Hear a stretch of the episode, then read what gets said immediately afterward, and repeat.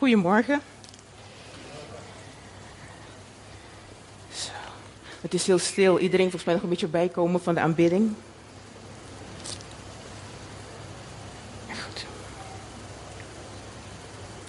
Ik weet niet of vandaag, vandaag lukt in ieder geval om uh, alle Bijbelversen in op de beamer te zetten. Ja? Ah, top. Oké, helemaal goed. Maar waar wil ik met jullie vanochtend over hebben? En de titel van vanochtend is: Heeft mijn manier van geloven effect op mijn christelijk leven en christelijke groei? Iets wat ik door de jaren heen heb gezien in mijn eigen uh, christelijke wandel, sinds ik bekeerd ben, is hoe ik geloof dus de wijze waarop effect kan hebben op de mate van hoeveel ik groei. Tot volwassenheid of je blijft op dezelfde plek. Maar dat heeft te maken met mijn ideeën, mijn eigen normen, waarden, tradities, um, hoe ik de Bijbel interpreteer. Waarom geloof ik eigenlijk? Mijn intenties, mijn verwachting. En iets wat ik heb gemerkt en ook heb meegemaakt is, je kunt zo gevangen zitten in al die ideeën, gedachten, noem maar op, waardoor je eigenlijk een beetje blijft rondtobben. In een cirkel met het gevoel van, is dit het christelijk leven?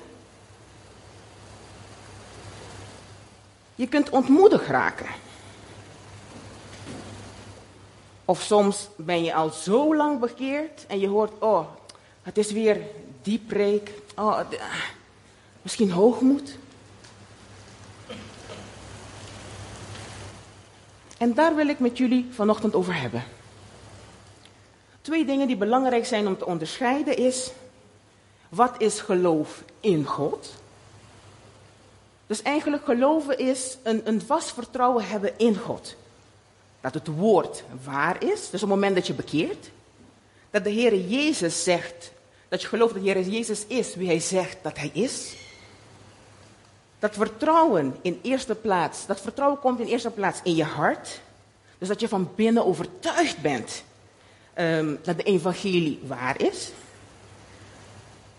En tegelijkertijd um, is er ook uh, een stuk zeker weten met je verstand dat Gods woord waarheid is. Dat is het geloof dat de Heilige Geest in ieder geval in ons zet. Je gelooft God op zijn woord en je geeft je over aan de Heer Jezus. En de volgende punt is, maar hoe geloof ik dit allemaal? Gezien ik uh, ben opgevoed, ik heb mijn eigen ideeën, mijn eigen theorieën, hoe ik naar de wereld kijk, hoe, vul maar in. Het lijkt bijvoorbeeld, bijvoorbeeld de, je leest het woord, maar het moet door al die stukken heen. En aan het eind komt er iets uit. Maar wat is dat? Dus dat maakt hoe ik geloof.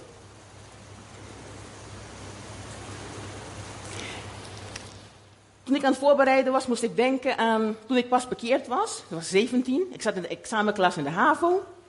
En uh, ik had echt niet goed geleerd voor mijn examen. En toen zat ik daar. Oh, Heilige Geest, laat me voelen. Ik voel, ik voel. En het was een moment van multiple choice. Ik voelde A, ik voelde B. Oh ja, oh, ik, ik voelde goede formulering, ja. Had ik een voldoende gekregen? Nee, ik was gezakt.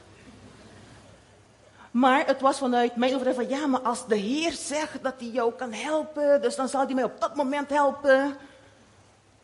Maar was mijn intentie goed? Op dat moment. Was het goed? De examen VWO Frans, daartegen was iets verder. En toen had ik uh, echt gebeden en ik heb, toen had ik wel geleerd. Ik had een mondeling Frans. Ik weet nog die avond daarvoor, ik had een droom. Ik sprak Frans vloeiend. Ik werd wakker echt dit is geen grap, het is echt waar. Ik zat daar met mijn mondeling Frans en, en mijn lippen die gingen. En ik, ik sprak Frans. Ik kreeg een negen. Maar wat zegt dit? Waar zit de intentie? En dat is zo belangrijk in je geloof, voor je groei. Hey, wat zit daarachter? Waarom geloof ik zoals ik geloof? Ik, toen ik, um, toen, toen ik nog in de, in de we hadden op Aruba dan in ieder geval in de kerk hadden we dan een, uh, in de jeugdgroep, gingen we op uh, zendingsreis.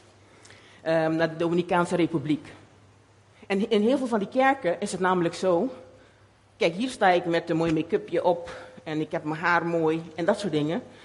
Maar in die kerken was het zo van, goh, je mag je haar niet, uh, niet ontkroezen, geen make-upje op. Want de vrouw moet zo sober mogelijk zijn, want dan komt je hart dicht bij de Heer.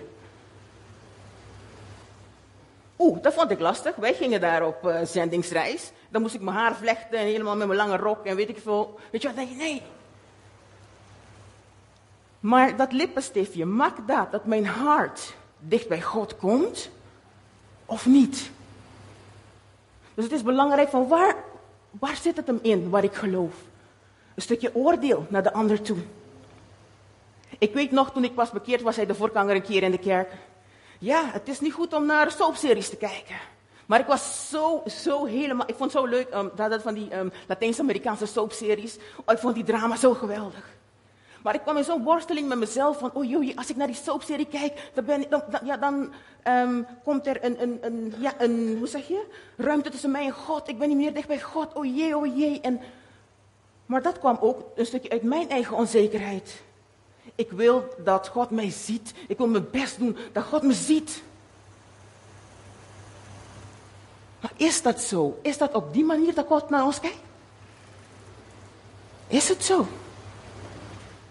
Herkennen jullie dingen bij jezelf? Dat je denkt van, hé, hey, ik heb ook bepaalde ideeën of dingen hoe ik naar kijk.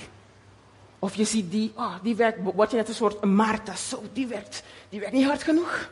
Nou, had ik maar.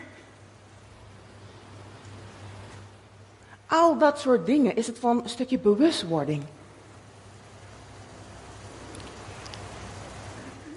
Een ander voorbeeld, dit jaar, ongeveer zes maanden geleden, kwam in ieder geval de diagnose dat ik uh, glutenintolerantie heb.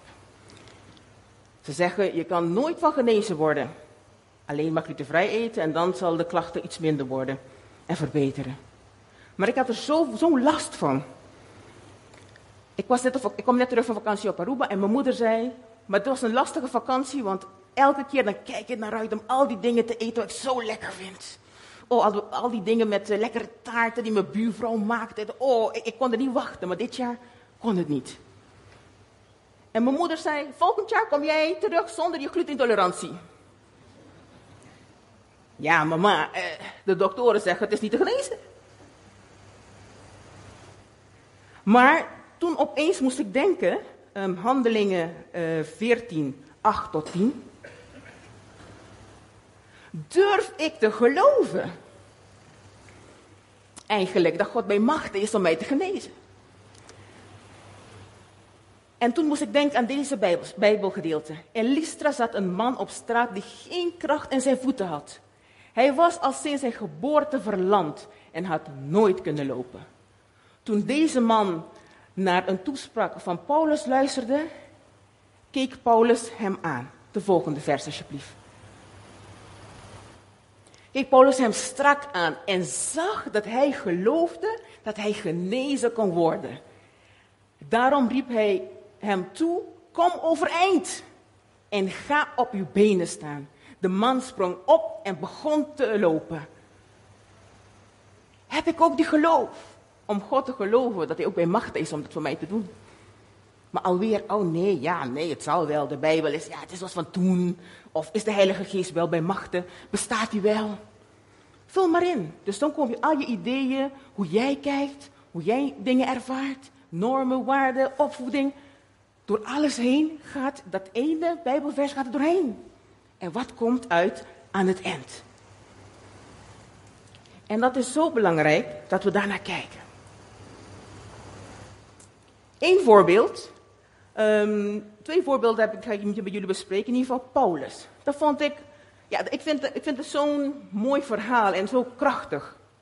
Paulus was voor, was voor zijn bekering overtuigd dat hij de christenen moest vervolgen. Hij was er fanatiek in. Hij ging zelfs naar de hoge priester om speciale brieven te halen zodat hij die christenen kon vervolgen. En hij heeft ook toestemming gevraagd om al de vrouwen, de mannen, iedereen die Jezus ging volgen, om hen te vervolgen. En in de boeien te slaan en ze naar de gevangenis te brengen. Maar God bracht verandering daarin. En had hem geroepen om hem te volgen. Hij had een persoonlijke ontmoeting met Jezus. Paulus geloofde en vertrouwde God. Dan wil ik met jullie gaan naar Handelingen 9, vers 12 tot en met 21. Want hier ga je zien hoe het Paulus, wat er toen gebeurt met Paulus. En hij heeft in de visioen gezien hoe een man die Ananias heet binnenkomt en hem de handen oplegt. Dus hier had Paulus al een visioen gekregen wat er met hem ging gebeuren. Ananias antwoordde, Heer, van veel kanten heb ik gehoord over deze man en over al het kwaad dat hij uw heilige in Jeruzalem heeft aangedaan. Bovendien heeft hij toestemming van de hoge, priester, hoge priesters om hier iedereen die uw naam aanroept in de boeien te slaan. Maar de Heer zei, ga, want hij is het instrument dat ik gekozen heb om mijn naam uit te dragen onder alle volken en heersers en onder al de Israëlieten. Ik zal hem tonen hoezeer hij moet lijden omwille van mijn naam. Ananias ging, hij bad voor hem. En toen ging Paulus, in ieder geval, sorry, um, ja, Paulus in ieder geval aan de slag. Daarna werd hij vervolgd. Er waren meerdere pogingen geweest um, om hem te vermoorden. Hij werd mishandeld, in de gevangenis gegooid. Nou, noem maar op alweer. Hij had eerst de gedachte, ik moest hem vervolgen. De Heilige Geest komt, verandert hem. Hij heeft een persoonlijke ontmoeting met Jezus. En het verandert. En verder in het boek van Handelingen en verder zie je wat Paulus allemaal heeft gedaan. Grote dingen. Een ander voorbeeld vind ik Petrus. In Handelingen 11 in ieder geval lezen we over um, hoe het goede nieuws um, eigenlijk ook is voor de andere volken. Hoe dat tot stand kwam. We gaan even kijken naar Handelingen 11 en dan vers 1 tot en met 3. In dit gedeelte werd hij verweten dat hij met een ander volk was omgegaan en zelfs met hen gegeten had. O jee. Nou, je gaat met hun om. Hoe kan jij van God zijn? Dat kan toch niet van God zijn? Hoezo?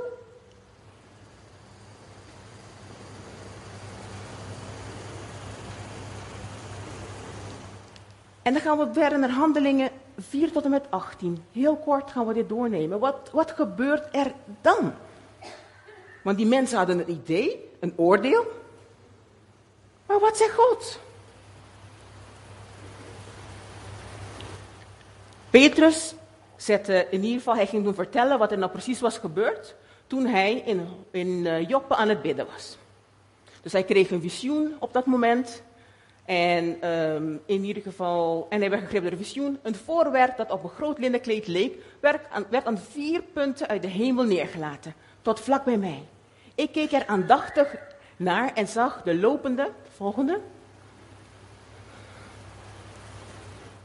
en kruipende dieren van de aarde en ook de wilde dieren en de vogels van de hemel. En ik hoorde een stem tegen me zeggen, ga je gang Petrus, slacht en eet. Maar ik antwoordde, nee heer, in geen geval, want ik heb nooit gegeten van iets dat verwerpelijk en onrein is. Maar voor de tweede keer kwam er een stem uit de hemel. Wat God rein heeft verklaard, zul jij niet als verwerpelijk beschouwen. Dat gebeurde tot driemaal toe. Daarna werd alles weer omhoog getrokken naar de hemel. Precies op dat moment kwamen er bij het huis waar wij verbleven, we gaan verder, drie mannen aan uit Caesarea. De geest, in ieder geval vers 12, de geest zei tegen mij dat ik zonder aarzelen met hem mee moest gaan. En toen ging hij mee. En dan gaan we door naar vers 13. Hij vertelde ons dat hij in zijn huis een engel had gezien. En die hem had verteld dat hij naar Joppe moest en dat hij Petrus daar ehm, zou ontmoeten. En dan vers 15. Ik was nog maar nauwelijks begonnen met spreken of de Heilige Geest daalde op hen neer. Zoals destijds op ons. Ik herinnerde me dat de Heer tegen ons zei: Johannes doopte ons met water, maar jullie, maar jullie zullen gedoopt worden met de Heilige Geest. Als God hun wegens hun geloof in de Heer Jezus Christus hetzelfde geschenk wilde geven als ons, hoe had ik hem daar vandaan kunnen weerhouden? Toen ze dat gehoord hadden, werden ze gerustgesteld. Dus hun hadden een idee. Hoezo, je gaat met hun eten? Maar God had een andere plan. Want de evangelie was niet alleen voor de Joden, maar ook voor de niet-Joden, de andere volken. Want dat is wat God, wat God wilde. Maar door je eigen ideeën, intentie, het had zomaar moeten zijn en weet het allemaal, had misschien de ander zijn kans gemist. Hadden hun, hadden hun gewoon helemaal misschien tot geloof gekomen.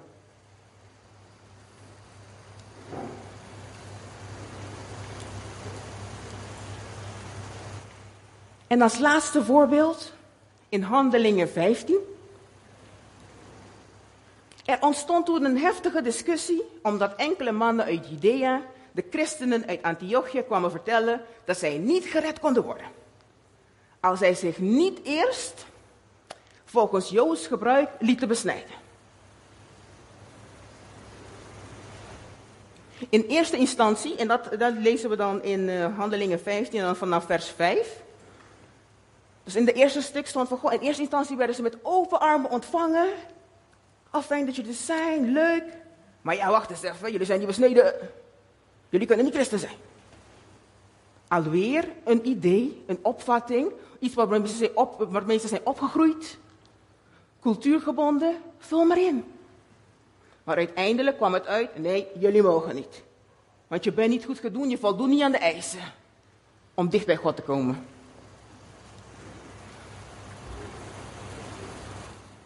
En in vers 5 staat, maar sommige fariseërs die christen waren geworden, bedoel, ze waren christen geworden, zeiden, als die mensen christen willen worden, moeten zij toch ook laten besnijden en, de wet, en zich aan de wetten van Mozes houden. En er werd gediscussieerd en gediscussieerd van ja wel en niet, ik vind wel, ik vind niet en, noem maar op en ging maar door en ging maar erop. En na heel veel gepraat heen en weer, uiteindelijk stond Petrus op en zei het volgende. En dat lezen we in vers 7 tot met 12. Toen het op een hevige woordenstrijd kwam, stond Petrus op en zei: Broeders, u weet dat God mij al in het begin uit uw midden heeft gekozen om de boodschap van het evangelie onder de heidenen te verspreiden en hen tot geloof te brengen. God, die weet wat er in de mensen omgaat heeft blijk gegeven van zijn vertrouwen in de heidenen door hun de Heilige Geest te schenken, zoals Hij die ook aan ons geschonken heeft. Hij heeft geen enkel onderscheid gemaakt tussen ons en hen, want Hij heeft hen door het geloof innerlijk gereinigd.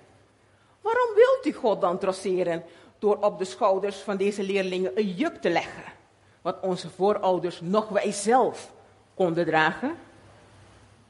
Nee, we geloven dat, de, dat we alleen door de genade van, Heer, van de Heer Jezus gered kunnen worden. Op dezelfde wijze als zij.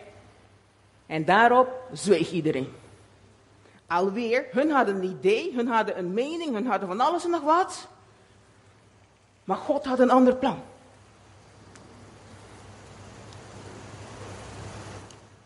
We hebben naar meerdere voorbeelden gekeken eigenlijk.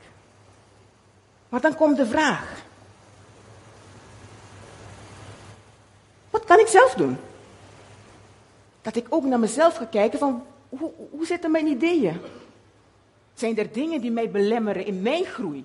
Zijn er dingen hoe ik naar kijk, mijn cultuur, mijn visie, mijn mening, de mening van de, van de weet ik veel wie en de mening die ik op, op internet lees en de mening die...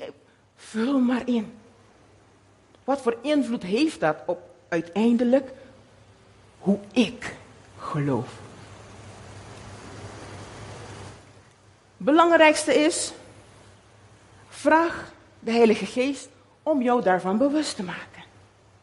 kijk ik nou naar dingen? Wat is mijn visie? Belangrijk is punt 1. Bewustwording. Toets wat je gelooft. Toets het. Het is van belang om na te gaan of je kijk, of jouw kijk, mijn kijk, op het christelijk leven niet gekleurd is door mijn eigen opvattingen, verwachtingen. Daarom moet je het anders over tijd blijven toetsen. Hoe lang je ook bekeerd bent. Er kunnen altijd blinde vlekken komen. Belangrijk. Ook als je tot bekering komt. Ja, maar hoe zit het nou precies? Belangrijk om te toetsen. YouTube en uh, internet is niet altijd een hele goede plek om alle goede informatie te vinden. Zorg dat je ook weet wat in het woord staat, zodat je kunt toetsen. Want waar toets ik het mee?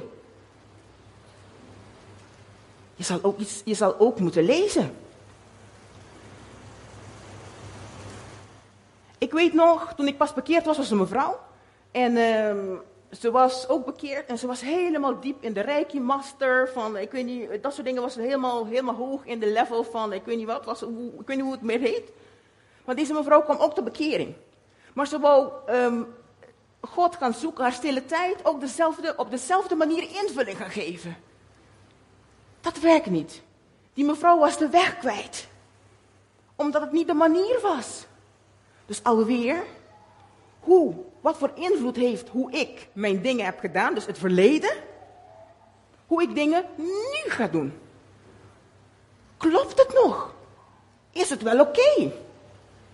Toets het. Toets het. Punt 2. Overgave aan God. Maar wat betekent dat? Nou, als we aan overgave denken, nou, uh, ik heb nooit gehoord bij overgave dat je iets positiefs aan koppelt of zo. Ik geef me over. Nou, dan heb je dat verloren, toch? Zou je denken. Je hoort, geef je over in de naam van de wet. Komt de politie langs. Maar wat betekent het nou eigenlijk? En als ik me overgeef aan God. Wat doe ik? Wat, wat is dat? Als we ons aan God overgeven, wat geven we nou eigenlijk op? Betekent dit dat we de overwinning in ons leven opgeven? Is dat het?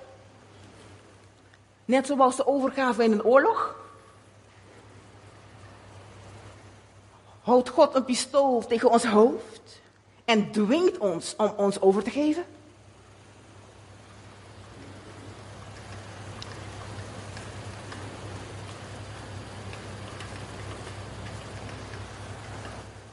Waar het op neerkomt is het volgende. Er zijn zeker mensen die zo zouden denken: Oh God dwingt mij, ik kan dit niet, ik kan me niet overgeven. Maar met name vooral als je eigen belang op de voorgrond staat, kan je zo denken. Maar wanneer het opkomt op de ware karakter van God, dan kom je heel snel achter dat dit een totaal verkeerde beeld is van hoe God naar die dingen kijkt. Overgave, wat betekent het nou? Opgeven van je eigendomsrechten.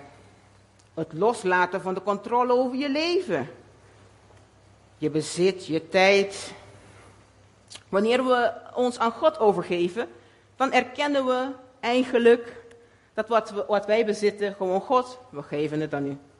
U mag de leiding nemen. U bent de gever, nou, ik geef het terug.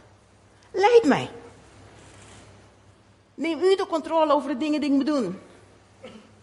En ik had ook zo'n voorbeeld. Ik kwam terug van vakantie. Mijn computer was kapot. Ik kon daar gaan zitten in de naam van Jezus, werkcomputer. Maar wat deed ik? Ik ging een nieuwe kopen. Begrijp je? Dus ja. Overgave aan God is een keuze van ons allen eigenlijk. Het is een keuze. Adam en Eva hebben ook die keuze gekregen. Want God zei over het onderwerpen aan hem: Hij zei, gij zult niet, in plaats van gij mag niet. Je mag kiezen. Je doet het wel, je doet het niet. Het is aan jou. Maar wat ga je kiezen?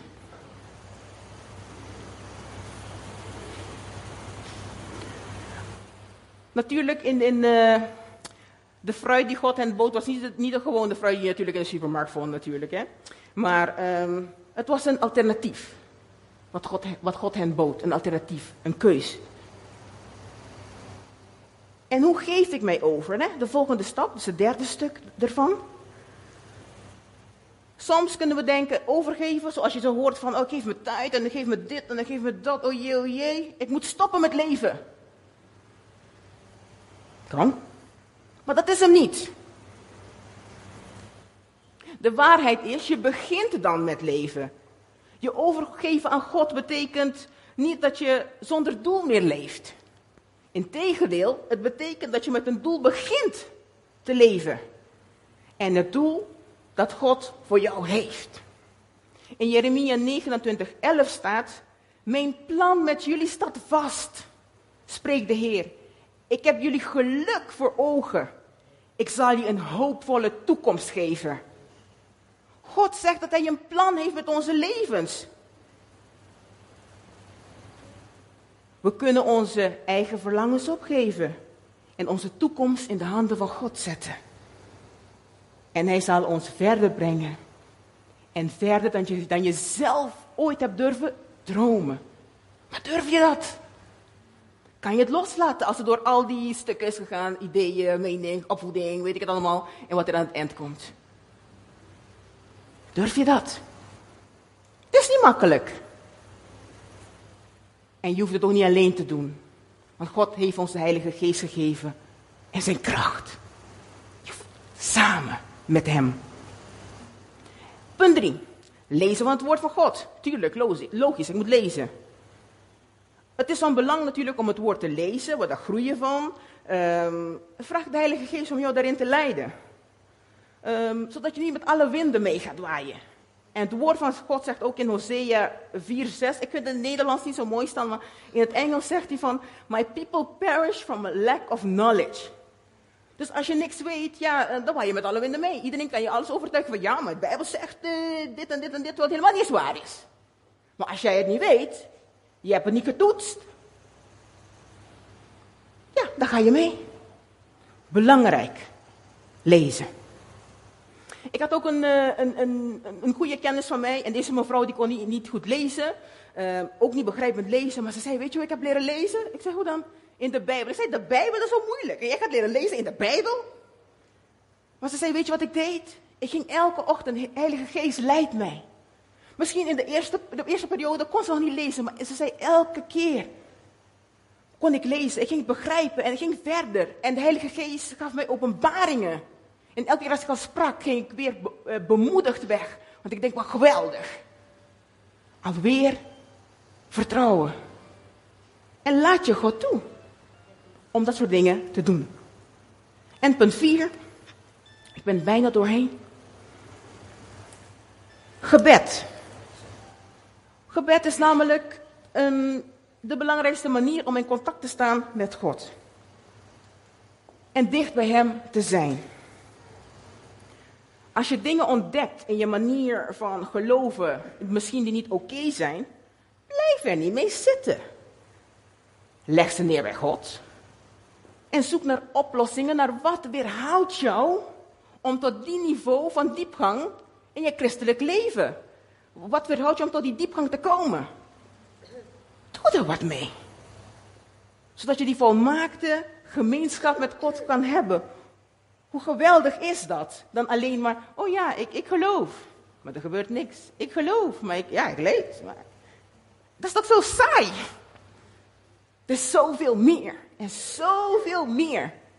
En niks geweldig als je kan groeien en zo dicht bij God kan zijn. Dat je openbaringen krijgt, dat je in zijn, als je in zijn tegenwoordigheid bent en voelt, oh, geweldig. En dat gun ik iedereen. De belangrijkste zaak is je te onderwerpen aan God. Daar hebben we het net over gehad. Maar Satan weet dat als hij ons denken uit koers kan brengen, dat we geen geweldig gebedsleven hebben. Zoals eerder gezegd, gebed is een belangrijke manier om Gods leiding te kunnen ervaren. Het woord zegt ook, als we met God door de duisternis wandelen, moeten we de vrede van God, die alle verstand te boven gaat en die onze harten en gedachten beschermt, in Jezus Christus. Hoe geweldig dat het, wat ik ook meemaak, ik weet er komt aanval van hier, aanval van daar. Dan word ik net zo'n ninja turtle. Ja, ja, weet je wel, met het woord, met de dingen. hey, want ik loop samen met God. En welke duisternis dan ook. Omdat ik weet, ik heb getoetst, ik bid, ik ben dicht bij God. Hij geeft me die openbaring. En ik leef in overwinning. Soms kan je ziek zijn, het maakt niet uit van God. We denken van alleen genezing is het. Nee, maar als je door die proces gaat, dat God dicht bij je is. Dat God dicht bij je, weet je, en dat je die zo kunt getuigen van dat je zijn kracht ervaart. Hoe geweldig is dat?